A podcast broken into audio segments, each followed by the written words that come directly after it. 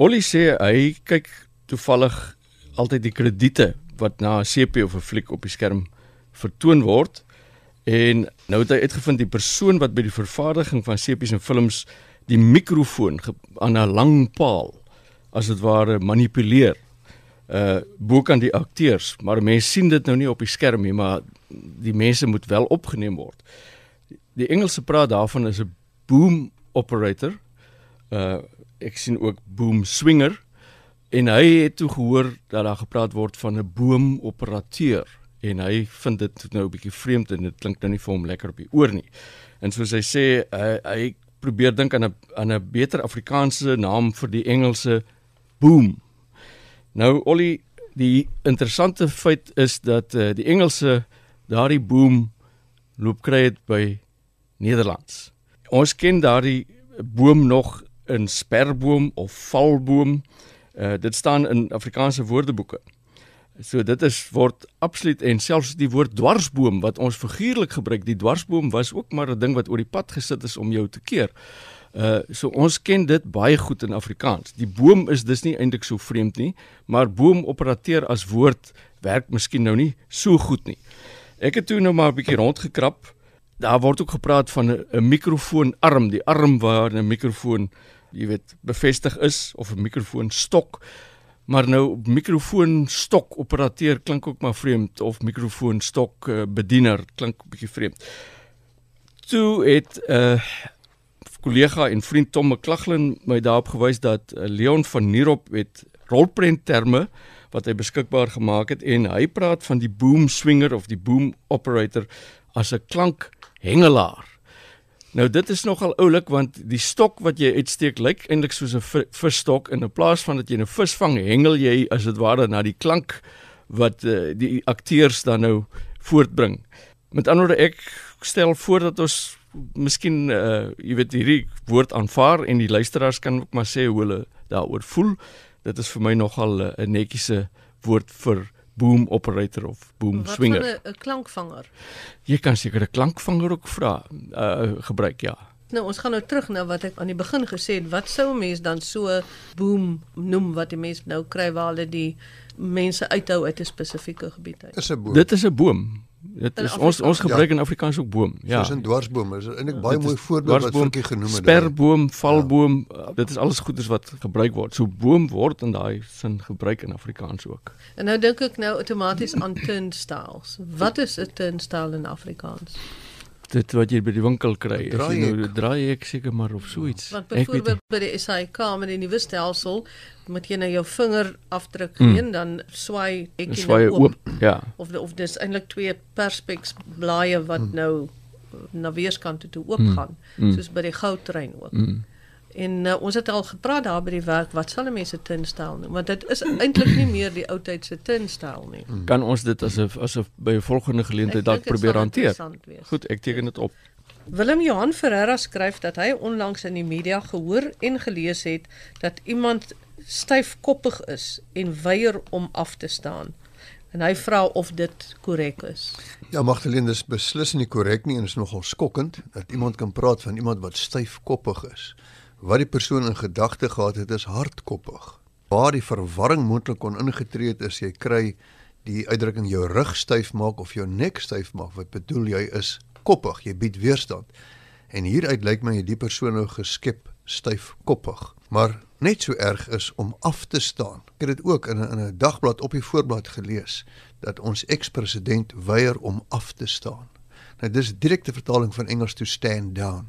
Dis nogal regtig skokkend en dat dit nie opgetel is nie. Nou daar's so baie moontlikhede in Afrikaans daarvoor. Hy weier om te bedank, hy weier om afstand te doen van sy posisie, hy weier om te loop, hy weier om uit te tree, hy weier om die tuig neer te lê. Die moontlikhede is legio.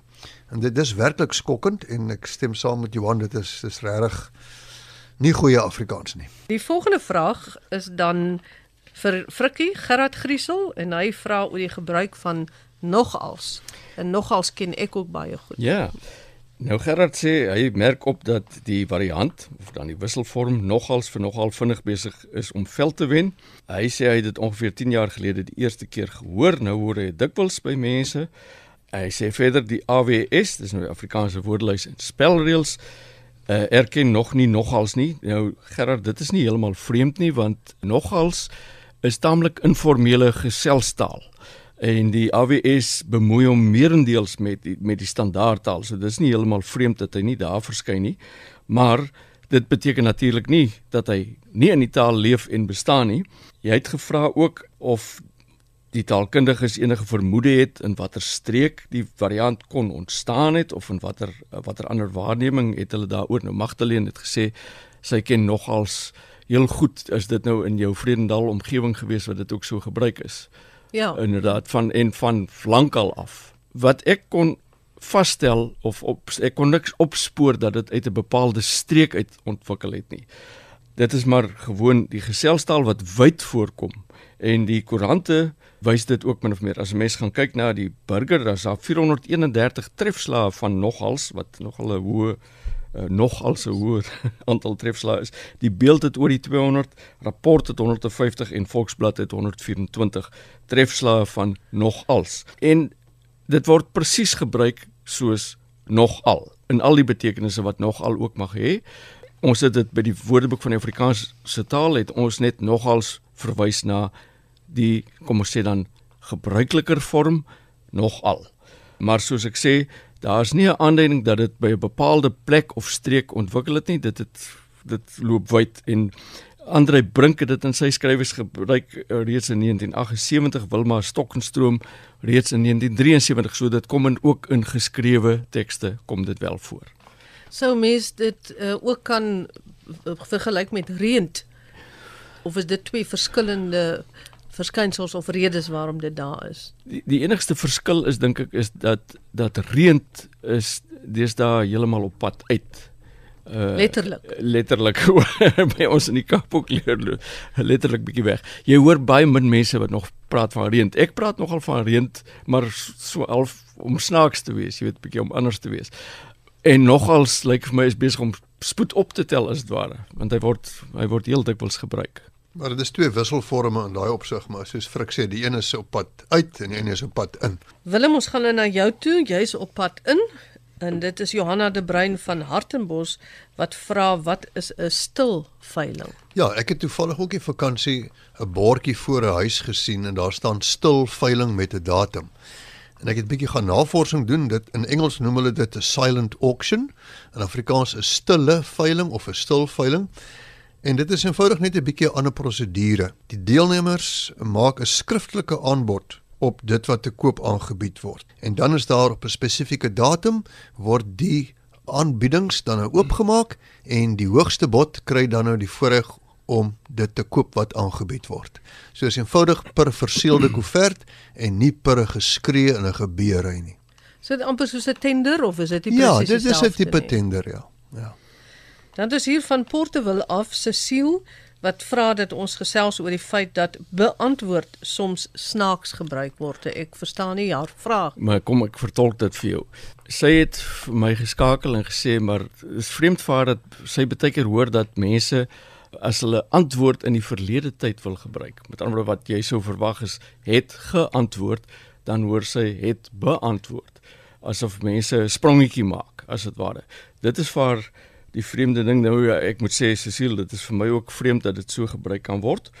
En 'n mens kan nou ook 'n volgende vraag vra, maar wat is jy weet hoe werk beantwoord versus antwoord? En ek gaan nou 'n skoolse soort antwoord gee op die vraag of ek gaan die vraag beantwoord.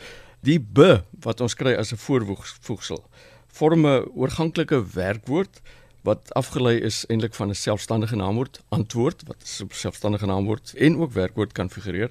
En daardie be beteken dan min of meer verskaf of voorsien van soos dit ook is met belas. Jy gee las of bemark of benadeel. Dit is tipies die gebruik. Ons almal ken uit ons dae van vraestelle wat ons moes uh, antwoorde op gee. Die vraag is altyd gestel, dan is daar vir jou gesê beantwoord vrae 1 tot 10 en beantwoord vraag 11 of 12 of die soort van ding. Met ander woorde, verskaf 'n uh, antwoord op hierdie vraag wat gestel is. En dis tipies hoe beantwoord gebruik word. Daar's natuurlik ook ander betekenisonderskeidings. Jy kan 'n groet beantwoord. Jy erken as dit ware iemand se groet. Iets kan aan 'n doel beantwoord. Dit bevredig 'n doel of dit voldoen aan wat jy hoop of wat jy verwag of wat jy eis. 'n Interessante gebruik is waar dit iets beteken soos ooreenkom met die voortvlugtige beantwoord aan die beskrywing van die polisie. Hy hy kom ooreen met die beskrywing wat hulle gegee het. En iets wat ek nie geken het nie is aardappels beantwoord hier goed, maar druiwe sleg. Met ander woorde, hulle deeg hier in hierdie omgewing goed. Hulle aard hier. Hulle aard hier. Jy weet deeg of aard daar. Ja, aardappels aard. Ja. ja, presies. En dit was dit is nou maar 'n paar dinge oor beantwoord. Nou Willem Piet Erasmus het vir jou ietsie gestuur oor Klossiegat. Meer 'n mededeling, hy het nie spesifieke vraag nie. Maar ek wil nou ook weet waaroor gaan dit. Ja, Klossiegat het hy ken hy baie goed uit die Handam Karoo. Hy sê in die lente wanneer die groenvoer beskikbaar was, het die mis en die urine aan die wol tussen die agterbene van die skape aangepak en klossies gevorm. Nou dan het daar nou hele onaangenaam brommers, hulle daar tuis gemaak, eiers gelê, larwes uitgebroei. Dit het probleme veroorsaak deurdat hulle in die skape se vel gevreet het en so voort. Nou as 'n skaap dus 'n klossie gat gehad het, het jy geweet jy het probleme en moes die skaap gemik skeer word. Dan het jy in die mik tussen die bene om skoon geskeur en dat daai ongewenste elemente verwyder kan word. Maar dit het ook 'n figuurlike toepassing gekry. 'n Persoon wat moeilik was en probleme veroorsaak het, is na 'n aanleiding hiervan 'n klossiegat genoem. Lastige persoon. Jep. 'n Klossiegat is dus as metafoor gebruik vir iemand wat moeilik was, probleme veroorsaak het. Hy sê hy dikwels gehoor dat mense sê man moenie so 'n klossiegat wees nie. Nou baie dankie. Ek wil daarom net vir jou sê die WAT het klossiegat opgeneem, ook klossiegat skaap en klosgat skaap. So baie dankie vir jou bydrae. Dis nou baie interessant en 'n lekker nuwe woord wat ons kan gebruik hmm, wanneer iemand vir ons 'n bietjie irriteer, né? Ek kan ek ken ek ken 'n paar mense op wie ek dit wil aanwend. Jy ken 'n paar klosie gatte. Net so. Goed, Frikkie, ons bly dan nou by jou. Uh, Gerard Roo van Wellington vra dat ons praat oor bevolkingsgroep, volk, nasie en ras. Ja, Gerard het het my geskakel. Hy sê hy het so 'n paar klippies wat hy in die bos wil werp as dit ware oor hierdie uh, ding en en hy voel baie keer word die goed verkeerd aangewend. Nou ek wil dadelik sê Gerard, dit is natuurlik 'n terrein waarop 'n mens heel versigtig moet moet omgaan en mense verskil ook van mekaar daar woordeboek definisies verskil van mekaar as dit ware rondom hierdie onderwerp. Maar kom ons probeer ek het ook gebruik gemaak van die uh van 'n betreklik nuwe woordeboek wat verskyn het, politieke woordeboek. Kom ons begin maar by volk. Nou die woord volk is 'n Germaanse woord. Hitler het ook altyd gepraat van die Duitse volk. Dit is 'n Germaanse woord wat na etniese komponente van 'n bevolking verwys. Byvoorbeeld as ons dan 'n voorbeeld gee soos wat die politieke woordeboek dit gee, die Zulu volk. Jy kan waarskynlik ook praat van die Zulu bevolkingsgroep as jy wil, maar volk sal altyd miskien wen teen bevolkingsgroep, die korter vorm wen, wen gewoonlik. In Engels sal dit dan wees the Zulu people. Nou volk word dikwels histories gebruik om na 'n nasie te verwys, maar dit word nie aanbeveel nie. Uh en ek kom bietjie da, later ook daarby. Hoe ons gewoonlik oor 'n nasie praat is ons sê dit is 'n betreklik groot groep mense wat onder 'n enkele gewoonlik onafhanklike regering is en ook in 'n bepaalde land of gebied waar die mense bewoon word is dan 'n nasie. Ons kan praat van as ons wil die Suid-Afrikaanse nasie. Ons baie mense sê ons voldoen nog nie heeltemal aan 'n nasie nie. Ons is bietjie te uitmekaar uit soms, maar ons sou 'n Suid-Afrikaanse nasie kon wees. Dit is nou al die mense wat hier is. Dit hoef nie mense van dieselfde groep of volk te wees nie. Die hat verwys nog na by nasie na 'n gemeenskap van mense wat gebruike, oorsprong, geskiedenis of taal deel, maar soos die politieke woordeboek te kenne gee, ons moet eerder hiervoor gebruik volk of bevolkingsgroep. Ons kan natuurlik ook praat by nasie is daar nog uh, betekenisonderskeidings soos dit in die HT en in die in die WAT voorkom 'n versameling individue wat op grond van 'n bepaalde gemeenskaplikheid of 'n soortige kenmerk uh, as 'n groep getipeer kan word ons sê byvoorbeeld tieners is 'n nasie op hulle eie of uh, Dotserfontein het gepraat van julle ou nasie wat iemand gesê het en dit is dan toegepas op die vroue geslag.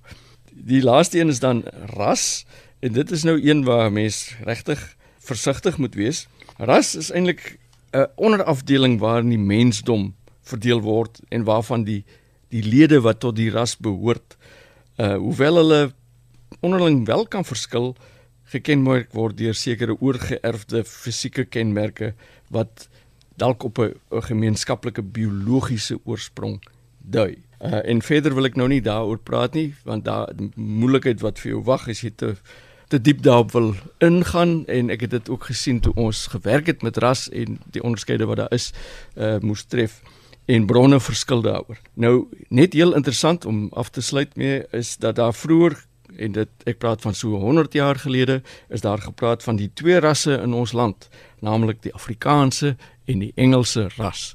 Dit is natuurlik heeltemal nie reg nie, maar dit is soos dit was in die geskiedenis. Goed en ek dink hierdie sal nou ons laaste vraag wees wat beantwoord moet word deur Willem uh, Botha en dit is 'n vraag van Gideon van Staden van Johannesburg.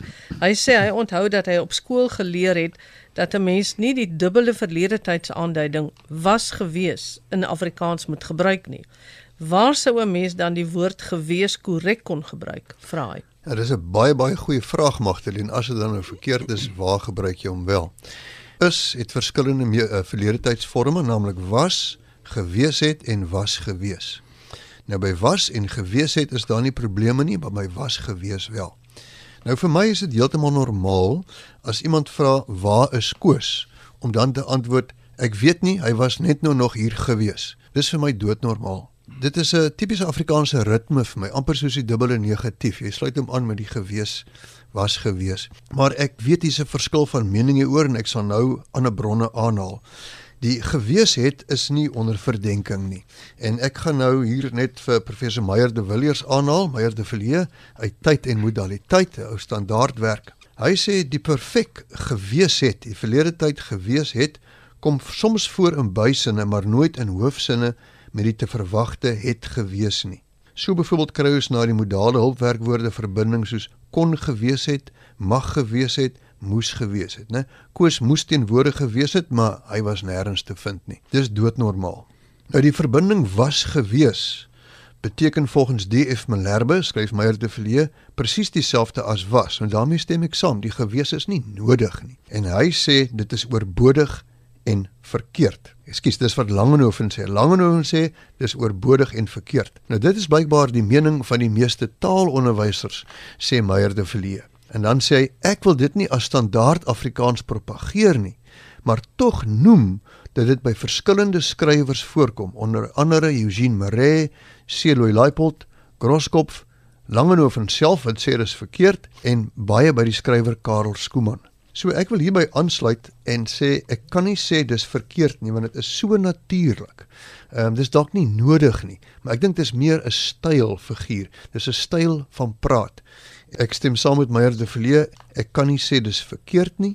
Dis miskien nie standaard Afrikaans nie, maar uh, dit is baie voorkomend in Afrikaans. Van 'n beklemtoon. Ja. Net so 'n bietjie trappe van vergelyking. Ja. Baie dankie. Op daardie noot eindig ons vandag se taalnavraag. Baie dankie Dr Willem Botha en Dr Frikkie Lombard vir julle harde werk soos gewoonlik en volgende keer dan gesels ons verder en dan gaan ons kyk na navrae soos hoeka en die klitskwyt ensovoorts. So as jy dalk so 'n vraag ingestuur het met 'n volgende taalnavraag sal ons dit vir jou hanteer. Groete van my Magtleen.